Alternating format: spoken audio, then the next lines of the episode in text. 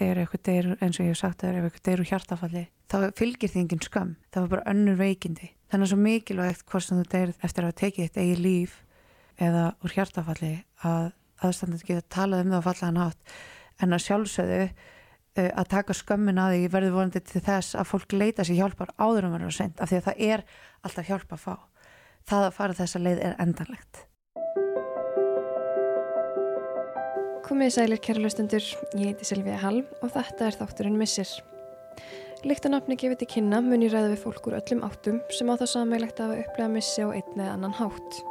Í þessum þáttum munum við heyra sögur þessa fólks, kynnast fólkinu sem margar líf þeirra og hvernig þau tókust á við það að hverja þegar þar að kom. Kristín Seif Björgunsdóttir misti unnusta sinn og basföður í oktober árið 2018. Hún segist að var litið svo á að það væri sjálfsagt að deila sinni sögu í þeirri vona halda umræðan á lofti og minga skömmina sem fylgja andlu um sjúkdómum. Þá segir hún mikilvægast að vera hreinskilinn og hlusta á tilfinningar sínar þegar maður tekst á við áföll. Í dag fáum við að heyra sögu Kristínar. Verður velkom Kristín. Takk fyrir Ég fæ kannski að byrja á að spyrja bara hver þín saga er. Uh, mín saga er svo að ég misti manni minn 2018 í oktober 2018 þá tók hann eða líf. Við vorum búin að vera saman í hvað, 11,5 ár og eigum saman börn. Og ég kem heim á mánudegi rétt fyrir kl. 6 eða svona um 6 og þar finn ég hann heima eftir að hann tók eða líf. Hann var búin að eiga við svona andlega veikindastríða og fíkn sem var allt svona kombu yfirborðið nýkomunum meðferð og þetta var þrejum vikum eftir hann kemur út á vói og já, þannig í rauninni hvað umturnast lífið.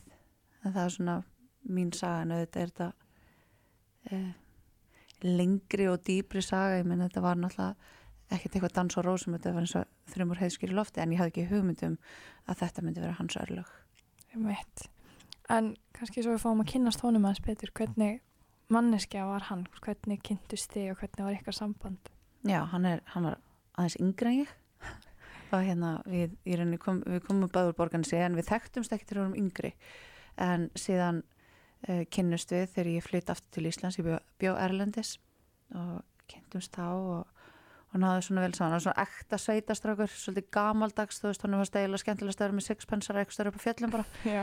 Og svona útivist strákur, var í björgunarsveitin í Brák um, var hljóðmaður, vann í hörpu og var að vinna með svona hinum og þessum hljómsveitum, ferðast mikið í landið og rosalega góð pappi og hann var, já, hann var svona bara svona fyndin sveitastrákur eins og ég Mhm. ég myndi lýsa hana þannig Svona grúskar einhvern veginn. Já, og alltaf einhvern veginn á fullu í, í sínu og, og hérna eitthvað að fara upp á fjöll og við sinnist í þessu og hinn og þú veist, það var eiginlega það sem hann fannst skemmtilegast var að vera, vera upp á fjöllum á jæpanu sínum. En hérna síðan voru bara hans eh, djöflar sem hann dró uh, og dílaði aldrei við sem urðu til þess að hans örlu urðu þessa, þessa leið trú ég, hann svona, svona ekta stráku sem talaði ekki um hvernig hann leið.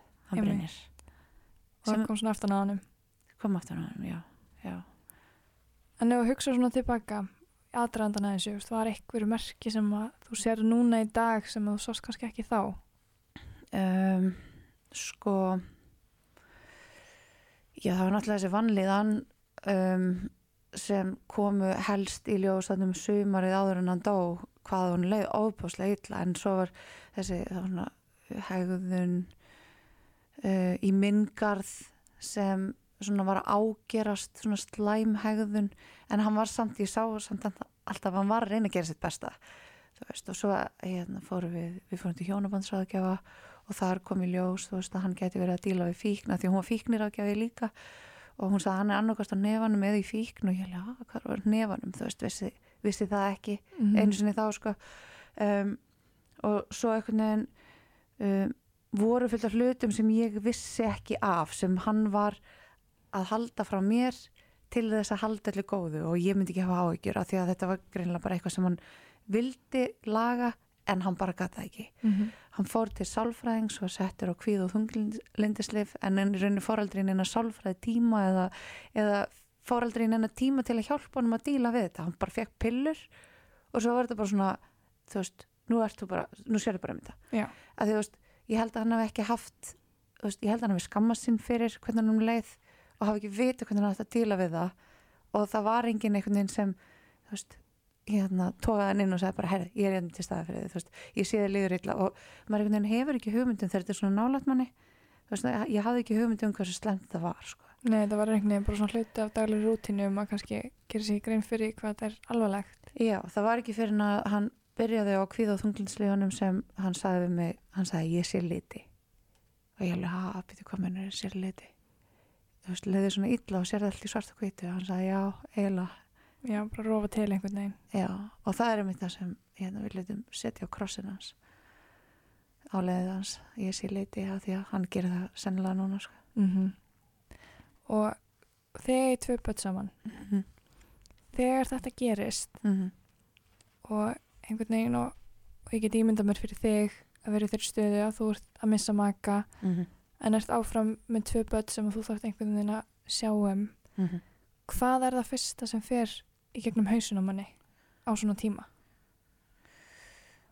bara þá daginn sem hann dó eða, þú veist, eða bara dagana eftir þá já, bara svona dagana sem þetta fer að síast inn að þetta hafi Mhm. gerst Já, það er í rauninu bara að gera mitt besta fyrir þau að það er ekkert sem ég get gert til að gera þetta auðveldara fyrir þau nema bara gera mitt besta til að vera til staðar og ég ákvað strax að, að það skipti öllu máli allir hlutir sem ég gerði myndi vera rétt fyrir þau hvernig ég bregst við, hvernig ég tala við þau hvernig ég segja þeim frá bara veist, allt þetta. Ég hugsaði strax ég verða að segja þeim frá hlutunum og koma fram við þau uh, ef það er eitthvað sem heitir rétt á þann hátt sem ég vil láta koma fram við mig þannig ég, Mhm. veist, ég vil láta segja mér satt og rétt frá ég vil láta tala við mig eins og mannesku og að sína mig skilning þegar mér líður illa veist, það var í Mhm. rauninni það, svona, það er skilningur og heiðalegi sem skiptir öllu máli og ég tók það strax veist að eins og þegar ég bara hann um kvöldi þegar við fengum símtalið að hann væri dáin mm -hmm. þá fór ég með þau inn í herbyggi bara ég og þau og þú veist, erfiðasta sem ég hef gert er að segja að pappi þeirra væri dáin en mér fannst mikilvægt að í staðin fyrir að þau voru upplifa fullt af fullorðinu fólki grátandi þau skildi ekki alveg af hverju að þá voru þau þá, þá var þetta bara, þetta er eitthvað sem ég þarf að gera strax. Svo þau séu með, svo þau séu ekki velta fyrir sér, byrju við vitum að það er eitthvað að, ef við vitum ekki hvað er að hversu alvarlegt það er. Svo mikilvægt að hafa þau alveg með og þau voru alltaf nummer eitt hjá mér, alltaf, og eru alltaf nummer eitt. Einmi. En þau, það skipti öllu máli að það var ekki verið að hlýfa þeim við ykkur af því að þau skilja ekki þau skilja miklu meira heldur en við Einmi, Höld. þú, kannski þú veist, getur hausin þeirra að fara eitthvað annað Já. í aðstæðinum að fara að skilja þér öðruvísi Já, og mikilvægt að segja hlutina eins og þeir eru, til dæmis ég sagði við pappi ykkar er dáin en ekki hann er farin mm -hmm. eða horfin, þú veist, hann er dáin Einmi. og það er sennilega eitthvað sem þau skilja samt ekkert alveg strax hversu endanlegt það er og þau bröðust við alveg gjöra líkan hátt en það er mikilvægt að vera rosalega skýr við bönn Mm og segja þeim satt frá Einmi. en eins og segir og eins og er bara mjög skiljanlegt að börnin fara þarna strax í fyrsta sæti Mhm. hvernig var fyrir þig að einhvern veginn að passa allt sér í fyrstum skorðum fyrir þau og einhvern veginn að raska þeirra lífi sem minnst mm. en á sama tíma vera að syrkja sjálfur Mm. hvernig, hvernig nálgæðist þið það? Já, sko þetta er, þetta er svo skrítið að því sko dagana eftir það er maður ekkert neginn bara maður er ekkert maður sjálf, maður er algjörlega dóin þess að maður gengur í gegnum svo margt. Og ég held sér bara mikilvægt að maður leifi hlutunum að flæða og maður takir ákvarðanir fyrir sjálfan sig sem eh, eru mikilvæg fyrir mig en mikilvæg fyrir börnin líka. Af því að það er bara eitt eins og að halda rútínu. Um, mánudaginn eftir að við jörðum Brynjar þá fóru ég í vinnuna veist þá sem það var í 20 myndir fólk skildi ekki en þau fóru líka skólan og þau fóru í skólan af því að þau voru tilbúin veist þannig að við bara þetta er, er mikilvægt að, að þetta sé bara svona samvinna ég tala við þau og þau segja mig hvernig þeim líður með hvað við erum að fara að gera þannig við erum svona samstíga í þessu það er kannski svona það sem er mikilvægast En þú segir, eins og þú styrst eins og þetta fyrstu dagana, skilur, þá varst Mm. ekkert kannski að meðteka hvað gerðist. Nei. Var það eitthvað sem að kom þér á óvart að, að einhvern veginn að fá ekki sjokki strax veist, hvað, kannski, hvað leiði langur tími fram að þú fækst svona áfallið að bara þetta væri endanlegt Já, sko, ég var einu svona leðinni heim, hvað ég held að það veri mánuð eftir hann dó, það var leðinni heim í orðnarsbrekkun og ég tók upp símun alltaf að ringja hann, sko. Um, ég veit ekki alveg nákvæmlega hvenar, þú veist, stundum líður mér en, ennþá eins og hann sé bara eitthvað staðar, mm -hmm. þú veist, í vinnunum eitthvað staðar, en að sjálfsög veit maður betur.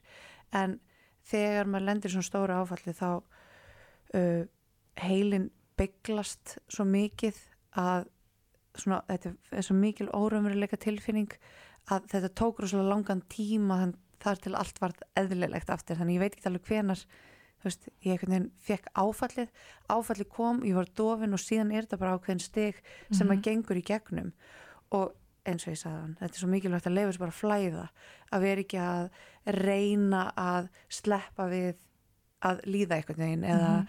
að forðast að, að líða illa eða forðast að líða vel að því að maður fær alls konar tilfinningar og það er svo mikilvægt að leifa það að flæða fyrir mig og fyrir krakkan líka. Einmitt. og þau sjáu að það er allt í lagi að hlæja en það er líka mikilvægt að gráta. Mm og einhvern veginn ekki fara að spila þetta eftir einhverjum reglum. Nei, þetta er bara þetta flæði þú veist eins og ég segi stundum og hérna var ég með að tala við vinkunum minn daginn, þetta er bara svona eins og lí, lítil á þú veist, og hún flæðir og það er mis mikið vatn í, í hérna lægnum með áni og stundum þetta er stór steinn og, og stíplar hana og þú þú þarf kannski hjálp frá einhverjum til að til að taka henni burti þannig að Mhm. flæði heldur áfram þú veist, stundum getur lyftur hann upp úr einn og það var ekkert mál og, veist, en þetta er svolítið svo leis af því að það er sorgin finnst mér, hún er svona svo á maður það bara einhvern veginn að leiðina að fara með mann það sem hún fer. Já, og stundum getur maður gert það einn og stundum þarf maður hjálp.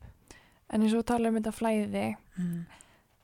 var einhver ákveðin leið sem að þú ákvæmst að fara? Eða bara lest þetta komast? Var, var eitthvað svona sem, viðbrað sem fór í gangi þér og hugsaði við ætlum að gera þetta svona, svona, svona? Eða var þetta meira bara tökum þetta eins og þetta er, tökum þetta í daginu Já, um, þetta var svolítið bara svona að hlusta á innsæð að því að maður veit oftast hvað er rétt. En eða maður veit alltaf einhvern veginn innan með sér hvað er rétt fyrir sig. En maður stundum svo hrættur við að taka það skref. Ég ákvað bara að vera ekki hrætt við að fara þá leið sem ég trúi sér rétt en svo að segja satt.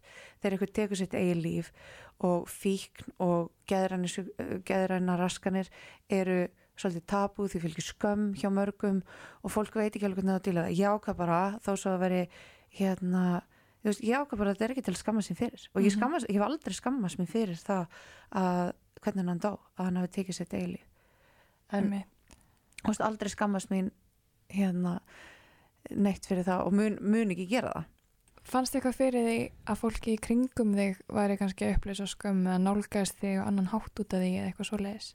Já, ég uh, upplifði það að fólk sem ég hef þekkt í kannski nokkur ár kom upp að mér og saði mér frá ástvinn sem hafi tekið sitt eigi líf. Og það hefði aldrei verið rætt og það hefði verið erfitt að ræða og vond og það hefði kannski bara verið hann lendi bílslisi veist, uh, hann fekk hjartafall veist, hann dó þessu eða hinu og það var aldrei talað um hvað það hefði virkilega gerst. Og það er eitthvað sem fylgir svona geðrænum uh, röskunum og, og þunglindi og kvíða veist, það er eitthvað svona eins og fólk skammist sín fyrir það.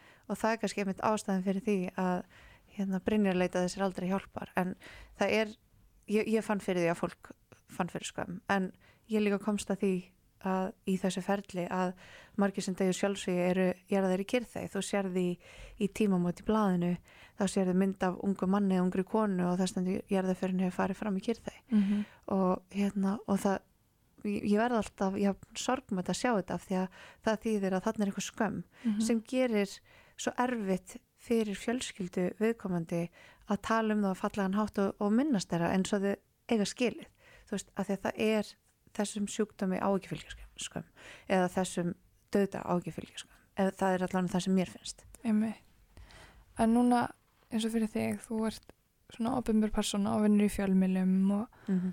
og, og, og þú stegst snemma fram með þínu sögu og varst bara mjög hreinskilin. Hvern, fannst þér að hjálpa þér mikið í þínu ferli að vera svona opinská með þetta?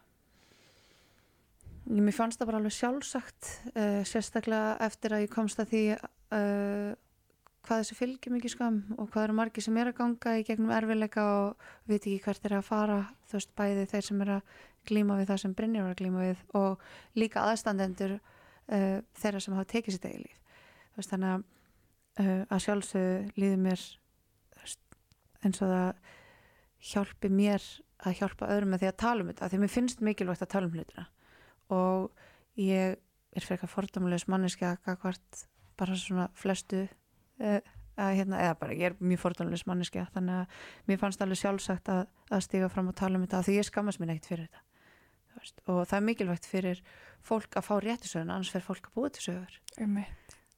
Og það er einhvern veginn það hefur hjálpað mér og ég held að það hafi hjálpað fjölskyldinu líka. Mm og fólk, uh, ég finn fyrir því að, að hérna, fólk á auðvöldara með að tala um hann við mig og minnast hann á fallegan hátt í staðin fyrir að það myndi kannski engin þóra um hann við mig Einmitt. en samt vita allir hvað gerðist Og láta ekki, þú veist, hvernig hann fór leita bara allt sem hann var. Nei, Að þið geti lifa með honum áfram. já, að því að hann dóa því að hann var veikur Mm -hmm. og ég meina þegar eitthvað deyr, eins og ég hef sagt þegar eitthvað deyr úr hjartafalli þá fylgir því engin skömm eða krabba minni, því fylgir engin skömm það var bara önnur veikindi þannig að svo mikilvægt hvort sem þú deyrð uh, eftir að tekið eitt eigi líf um, eða úr hjartafalli að aðstandandi geta talað um það á fallaðan hátt en að sjálfsögðu uh, að taka skömmin að því verður vonandi til þess að fólk leita sér hjálpar áður um að senda af því að það er alltaf hjálp að fá það að fara þessa leið er endanlegt Einmitt. Og þetta er svona, og ég hef pælt í þessu einmitt, veist, með andlega veikindi. Hvað, við erum alltaf meðvitið um þetta, mm en það er einhvern veginn erfiðara fyrir okkur að fatta, þú veist, að það er, þetta er sambarlegt. -hmm. skilur mig þú veist, það, það veit allir að þú getur ekkert gert í krabba minni þú getur bara leitað hjálpað og treysta og fagaðila mm en einhvern veginn fólk á svo aft erfitt með að heimfara þetta yfir á það andlega -hmm. að þú sér það ekki mm -hmm. þú sér það ekki, ég, það hefði enginn séð utan á Brynjar hann hefur að hann var veikur það hefði enginn séð það mm -hmm. þú veist, en þú myndir aldrei ganga með brotin fót einmitt. Skilur myndir leitaði hjálp og myndir fara til læknis að það er óþægilegt. Mm -hmm. en það er oft ef það er eitthvað huglægt innra með manni, geðran vandamál kvíði, þunglindi að fólk burðast með það þanga til það verður óbærilegt. Og það er svo alvarlegt og við þurfum einhvern veginn sem samfélag að, að hjálpast að grípa það sem líður svona illa. Þú veist, að vera til staðar af því að ég held að hann hef held að hann veri algjörlega einn. En uh, til dæmis í jarðafyrir hans sást hvað að voru ótrúlega margir sem elskuða hann. Mm -hmm. það voru þúsund manns sem mættu í jarðafyrina í Hallgrímskirkju og miklu fleiri sem hefði viljað mæta. Skilur þannig að hann var aldrei einn. Og ég segi þetta stundum þú veist að því að hann átti fullt af vinum og hafði allt svona going for him. En það er oft akkurat þetta þú veist, mér fannst mikilvægt einmitt fyrir krakkan að sjá þetta bara þú veist, sjáu hvað eru margir hérna til staðar fyrir okkur, mm -hmm. ykkur og hvað voru margir sem elskuða hann að því hann var frábær Mm -hmm. sem er bara með ykkur í þessu allir saman mm -hmm. en svona fyrstu dagana og kannski fyrstu vikunar Mhm. hvað var það svona sem að hjálpaði þér mest? Var það einhver hugsun eða eitthvað sem þú gerðir? Bara hvað var það sem að kannski hjælt þér gangandi fyrstum sinn? Mm. Já, það var að ég tók ákverðun um það að ég ætla að halda áfram í lífið að ég ætlaði að breyta þessu böl í blessun. Og það var rosalega skríti augnablika því ég siti upp í rúmi með heiðar og sér í fanginu og ég var eitthvað að reyna að horfa á sjónvarpið og það gekk ekki neitt af því að maður næri ekki fókus þú veist, þú næri ekki að hlusta tónlist uh, fylgja, þú veist, þú næri ekki eins og fylgja sko, samræðum Mm -hmm. Bara þetta út. Já, næ, næ ekki að horfa á sjónvarpið maður næri einhvern veginn ekki fókus og neitt, ég vissi ekki eins og hvort það var dagur eða nótt og um, ég sat að það með því fanginu og allt henni saði bara upphátt þú veist, ég ætla að breyta þessu bölublæsun og ég sagði það bara aftur, aftur, aftur, aftur og ég tók ákvörðin þá að ég ætla ekki að deyja með honum og ég ætla að gera mitt besta fyrir mig og krakkana og fjölskylduna bara til þess að halda áfram af því að það er mikilvægt veist, það er það er erfitt að hætta að lifa að vera lifandi en samt ekki Einmitt. þannig ég ákvaði að ég ætla að halda áfram að lifa og ég ætla að breyta þessu pölublössun og, og svona, svona þegar þetta gerist, mm. þú veist hafður einhverjar fyrirfram ákveðnar hugmyndir um sorgarferlið var Nei. eitthvað bara svona var þetta alveg nýtt fyrir þér. Alveg nýtt, þú veist, ég misti ömmu og afa þau eru líka þú veist það er eitthvað, það er náttúrulegt að missa ömmu sín og afa, Mhm. þú veist, þannig ég gekk að sjálfsögja gegnum sorg þá en ég aldrei gengi í gegnum svona sorg, ég vissi eiginlega ekkert hvað sorgin var. Mm -hmm. vissi ekki hvernig hún virkaði. Ég vissi ekkert við hverju mátti búast. Og þú veist, aldrei aldrei gengi í gegnum svona stóra og erfiða sorg og mér er þess að með ömmu sko að það var í langan tíma eftir sem ég gati ekki talað um hana því mér fannst það svo erfitt. Þannig ég held að einmitt það sorgarferli hafi verið uh, mjög það, það var ekki, þú veist, ég fór ekki í gegnum það í þessu flæði. Nei, þú veist, ég loka það því að mér er svo erfitt að missa um að því að hún er sko uppáhaldsmanniski minn í öllum heiminum. Og ég gæti ekki farið að leiðin hennar. Ég gæti ekki talað um hann að þess að fara að gráta. Og, og það sem gerist þegar hérna Brynjar deyr er það að þetta náttúrulega er áfall og þessi sorg mín sorg og krakkana sem ég er einhvern veginn með í höndunum. Og þar er ég einhvern veginn búin að vinna í sjálfur mér á þann hátt þar sem ég leifi þessu bara að flæða og tristi því að það sem ég er að gera það er ákvarðanir sem ég er að taka séu réttar og er ekki að reyna að byrja eitthvað inni eða stoppa eitthvað, veist, þetta bara kemur og ég held að það og, veist, og ég leitaði mig hjálpa líka þú veist, Vigfús Bjarni og Rúdolf sem er í áfallateiminir á landsbytara mm -hmm. veist, ég tristi hérna því að að þeir svona leittu mig inn í sorgaferðlið en það var algjörlega mitt að díla við. Þeir svona, þetta er svona að vera með þjálfara í sorg, pínlítið þeir, svona, þeir segja ekki hvað þetta gera en þeir leiðbina þeir rétt átt. Já, og svona leifa þér að finna út úr hlutunum. Og það er svo gott að því að maður þarf að fá lánaða domgreind í svona ferli. Mm og maður er með alls konar hugsanir og maður hugsa, hvað minn almáttur, af hverju ég hugsa þetta? Þetta er eitthvað bara rangt. Og af hverju ég gera þetta, þú veist, eins og þegar ég fór að hlægi í fyrsta skipti eftir hann dó, mér fannst það hræðilegt, ég bara, af hverju ég að hlægi, hann er dáin -hmm. og uh, góði vinnu mín voru að gifta sig þetta var á, hérna 17. november, hann deyr 29. oktober þetta er þú veist, þrem veikum eftir og ég var í brúðköpi hjá vinnu mínum og ég hugsaði bara hvað er ég að gera, hverju er ég hér að skemmta mér í góðra vinnu hópi þó svo sjálfsög ég var kannski ekkit alveg að, að skemmta mér, ég var á staðnum en var ennþá ég alveg svakalega miklu áfalli og dofin og, en ég vildi fara þegar mér fannst það mikilvægt þú veist að fagna ástinni þeirra Mhm. og það er bara eitt svona af því sem ég hérna, mér þykir rosalega vænt um að ég hafi gert fyrir sjálfa mig á þessum tíma var að leifa mér að fara út og eða þú veist, leifa mér, að ég fór út og hitti vini mína og, og hafði gaman og þú veist, svo var lag, sem svona mér og Brynjar var gert spilað í brúðköpinu og ég náttúrulega bara fór að hágráta þú veist, en það skildu allir, það hafa allir skilning þegar þú veist að gangi gegnum eitthvað svona erfitt.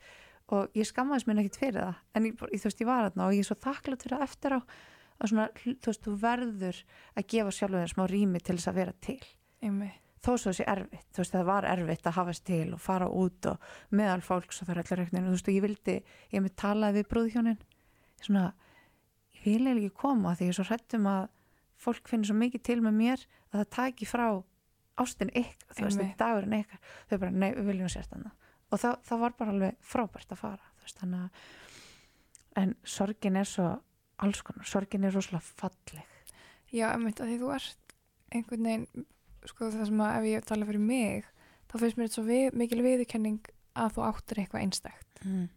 og það að þér sé ekki sama að sé tekið frá þér sýnir bara hvað það er einmitt einstakt Mm -hmm. en það er svona punktur sem að sagða þarna með brúðhjónin og að tala við þau og verið bara nei, ég vil ekki koma, Já vil ekki elgi bara ykkur mm -hmm. veist, það finnst þér það ekki svolítið svona kunnulegt stef sko, einhvern veginn að þú viljir ekki einhvern veginn leggja þetta á aðra þó sérst kannski ekkert beint að leggja á neitt Jú, af því að þegar eitthvað svona kemur fyrir, ég upplegaði það með mjög stert að fólk finnur svo mikið til með þér. mm -hmm. Fólk finnur, þú veist, jafnvel fólk sem þekkir ekki neitt og maður hefur upplifað þetta sjálf og mann langar að vera til staðar þegar eitthvað svona hræðilegt kemur fyrir eitthvað en maður svona, nei, ég þekki ekki nógu vel ég get ekki þú veist, ég vil ekki vera að þrönga mér upp á hana, einmitt, en það sem mér þótti svo væntum var að finna stuðning og að fólk væri ekki sama. En á sama tíma þá voru rosalega förðulegt ef eitthvað lappar upp og byrjar að hágráta á tíma sem þú veist, ég hafði engar tilfinningar. Þú veist, ég mist, ég var tilfinningarlösa tímabili. Þetta var svo, þetta var svo mikið mhm, að líka mig bara að þú veist, að tökir bara lokaði á það að ég var með tilfinningar. Þannig að þú veist, með kannski eitthvað sem þú þekkir rosalega lítið, grátandi á þú veist, þenn og ég er alltaf farin að hugga þau, einmitt, þú veist, og fann það ekki þú veist, ég fann ekki e, neina tilfinningu hvort ég get þú veist, verið glöð eða farið að gráta eða þú veist, eða þótt þú veist, bara svona algjörlega tilfinningulega það er rosalega skrítið, en þannig er sorgin líka. Mhm. hún er skrítin og hún er falleg og hún er alls konar, sko. Og komið það óvart í ferlinu þetta að veist, að því maður fyrirfram undir maður halda, já, ég er bara aftur að gráta og vera Mhm. leið. Kom þessi skalið þeirra óvart? Ég varð hrætt til dæmis þegar ég varð tilfinningulaus og ég varð hrætt um það að ég myndi aldrei finna fyrir neinu aftur af því að ég er svona tilfinning að vera rosalega mikil.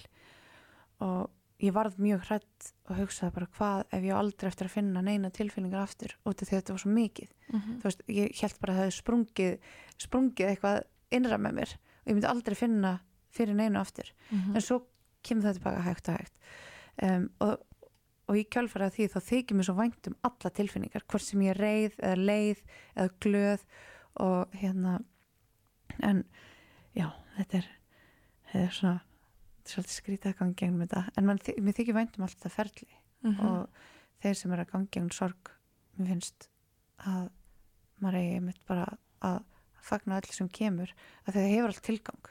Einmitt, allt sem þú finnur í sorginu hefur tilgang og maður lærir að því. Og ég er svona víst þú, sko eins og fyrir mig núna er ég komin í sjötta þátt. Mm -hmm. og það er ótrúlega gaman fyrir mig einhvern veginn að skoða eitthvað svona í heild. Og hérna það er, þú segir þetta það minnir mér svo á punkt sem að hann Arnarsveit sagði að hann veldi læra að elska það sem kom fyrir sig. Mm -hmm. þú tengir við það? Að þið langi bara einhvern veginn að þú færður sér ekki breytt. Já. þú veist, að þá að þetta geti verið eitthvað sem að gaf þér á sama tíma og tók frá þér. Já, ég, hef, ég ákvaði ég ætlaði að, að, að vera þakklátt ég er þakklátt fyrir uh, það allt sem hefur komið fyrir mig. Mm -hmm. uh, gott og slæmt. Og þetta er partur af því, af því að við getum ekki breytt því sem hefur gerst, það er alveg rétt. Þannig að maður þarf að sætta sig við það og vera þakkláttur fyrir það og leifa því að þroska því sem mannsku að taka erfileikana sem þú, sem þú upplifir lífinu og nota það til þess að byggja þau upp og gera þau ekki sterkari en þrautsegari Mm -hmm. þú veist, af því að þetta er erfitt þetta er ógæðslega erfitt en þetta er ekki óyfirstjánlegt Einmitt. Og þetta er líka einhvern veginn gefur manni opnar svona inn á einhvern heim sem maður myndi ekki skilja annars. Mm -hmm. að einhvern veginn að að geta skilið þú veist hversu mikið maður getur elska einhvern og hversu mikið maður getur sakna einhvers. Já, þetta gefur manni dýft já, til dæmis eins og svona á degi sem þessum þar sem maður sér að sólinn skín og fjöllin og þá hugsa ég eftir hans. Mm -hmm. þú veist, og ég og krakkanir er mitt hérna, þú veist, tölum oft um hann og konu þetta er skemmtilegt og ég spyrði hvað, þú veist, eftir hverju er muna og, og svona, en þú veist, við getum líka verið svo þakklátt fyrir að hafa þekkt hann og haft hann í lífun okkar. Einmitt. Þú veist, það, maður þarf bara að vera þakkláttur eða maður þarf ekki, það er svo gott mm -hmm. að vera þakkláttur. Og það er svo gott að vera þakkláttur fyrir að hafa fengið hann tíma. Og vera þakkláttur fyrir það sem að gengur í gegnum í lífinu svo lengi sem hún lætur ekki buga það að brjóta það niður heldur leifir því að byggja þau upp og styrkja þessar mannsku það er mikilvægt en eins og segjum við krakkana að þið Mm. talið um hann og svona mm -hmm. hvernig, hvernig heldur um minningu hans á lífi með þeim hvernig minnist þið hans veist? er það eitthvað sérstæð sem ég geri er það bara svona hverstastlegt, er bara að tala um hann og Já, ég spyrði oft svona, um, þú veist, mannstu þegar þegar það voru að gera þetta. Og þú veist, til dæmis en daginn þá voru að tala um það þegar við löpum upp á úlósvellið og ég dró eitt sleða og hann dró annars sleða með krakkana aftan á, þú veist, dróðum þau upp og svo rendum við okkur niður. Og þau munu svo vel eftir því. Mm -hmm. og hann var nýbúin að kenna Söru á að hjóla. Og, og þau fóru sko út að hjóla mjög oft og hann fór með í sund og við reynum bara að tala um þessa hluti og síðan er það einmitt sko upp úr þurru þá komið, ó, mannstu hvað pappi var að finna þegar að gera þetta? Og þú veist, Mhm. og þá bara fyrir við að hlæja og tölum saman um það, en við tölum líka um það sem er erfitt. einmitt, Það er nefnilega svo mikilvægt að tala ekki bara um þú veist, það sem var gott og gaman heldur líka þau saknans og þau, þú veist, hérna það sagði ykkur nafnið hennar um daginn og sagði Brynjásdóttir mm og hún fór að gráta, henni fannst það erfitt og svo eru kannski fóraldrakaffi þú veist, ég fór að gráta í fóraldrakaffi og, og þau líka, -hmm. þú veist, eða fimmleikasýningu og alls konar svona, að en þá tölum við líka bara um það og vinnum okkur í gegnum það, af því að það er, það er alltaf erfið tímar, í staðin fyrir að við erum bara í sitt hverju hotninu að börðast með okkar og getum ekki talað um hann þá tölum við um það, erfitt og gott. Einmitt. Og sko núna virkar á mig eins og þú sést bara svona mjög sönn sjálfur er er eitthvað í þér sem að þú sérð að hafi breyst eftir þetta, er eitthvað sem að þú horfir öðruvísi á, er eitthvað svona eiginleiki sem þið finnst það að vaksið meira eftir þetta, þú veist þú að lítið baka, veist, er eitthvað svona lærdómur sem þú dregur sérstaklega af þessu? Já, það er, ég er búin að held ég að sé alveg gjörbreytt sem manneskja. Um, og ég vona að sé til hins betra. Um, ég er svona aðeins blíðari við sjálfa mig, ég er ekki eins hörð við sjálfa mig. Um, svona hlusta frekar á innsæð af því að mm, það sem kannski var að hugsa þú veist, þegar Brynni var ennþá lífi það sem ég fann, þú veist, var alveg rétt og maður hlustaði ekki á það og svo endar það einhvern veginn í, þú veist einhvern svona ósköpum, ég er ekki að segja sem ég er að kenna það sem gerðist það því að það er það ekki, þetta eru veikindi. En það er kannski einhver merki sem ég hef ekki aðeins opnað um betur fyrir. Ég reynir svona að vera tengdari umhverfinu mínu og ég fann að huglega tengdari sjálfa mig, þykir vætna um sjálfa mig veist, ekki og það er ekki sjálfselska en það er líka sko fyrir krakkana, mm -hmm. veist, ég ger hluti fyrir mig og verð betri mamma og þau gráða því líka. Það hefur bara meira að gefa. Mm ég, mér finnst ég vera sko hérna ég er svona meiri drivkraft til þess að uh, lendi í æfintyrum í lífuna því að sé að lífið er stutt og það er ekkit sjálfsagt að vera á lífi sko. Einmitt og það er svona, hann er lífið svo allir vita já, svo skilur maður það. Já, það er svona, það breytist einhvern veginn. Það breytist af því að svona áður fyrir var svona, na, ég ætla að hugsa um það. Nú er það bara svona, ég ætla að gera það. Mm -hmm. af því að það er ekkit sjálfsagt að, að ekki sko bara vera lífi heldur að vera helbreyður og ég er miklu þakklátari fyrir allt.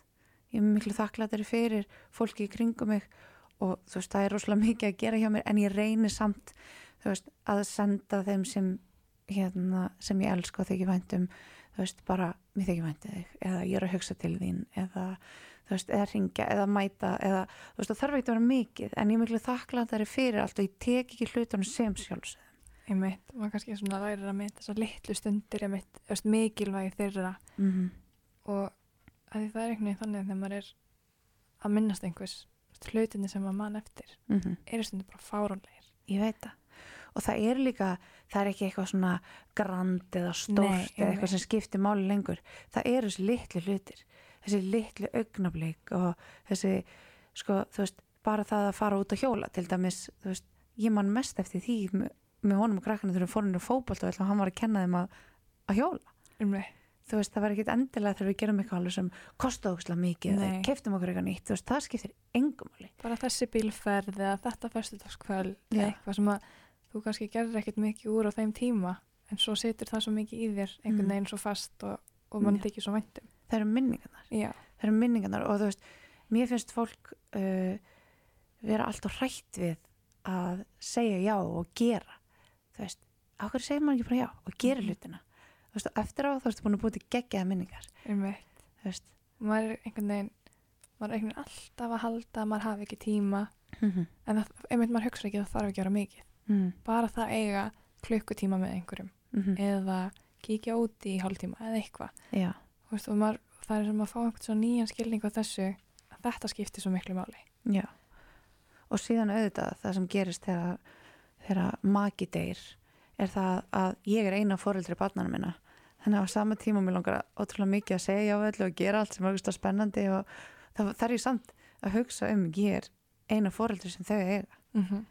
veist, og þau stundum hérna segja mamma, þú veist, er, er, að því ég fer út að keppa og svona, mamma ert að fara út að keppa og voru að fara varlega og þá hugsa ég oft, þau eru með okkur að mér, þannig að þetta þarf alltaf að vera í, líka í sátt við þau, mm -hmm. það sem þú veist, það, hvernig hérna, ég og við lífum okkar lífi við erum algjörlega lið Mm -hmm. þess að við erum mjög svo saman og, hérna, og það er líka hlut að því að maður er alltaf, maður er alltaf að læra Einmitt. alltaf að læra, það er svona lífið er svo skemmtilega skrítið á nátt sko. Ég er bara hver dagur kemur mann einhvern veginn á óvart mm -hmm. og en þú segir, nú ert þú eina fóröldrið mm Mhm. fannst einhverja aukna pressu að sinna þá einhverju öðru hlutverki að varst vöna eða bara lefður þér að vera þú áfram ég held því sem meira ég. Já, ég held því sem meira ég uh, og samkvæm sjálfur mér núna heldur ég var. Og það er bara því ég er búin að líta meira inn á við og ég er að yfka þakklæti og hugleðslu og þessar hluti sem maður oft gleymir. Að því að þú veist, er aðeinslega djúlega í rektinni og er að gera þetta og þú veist, fyrir vinnuna.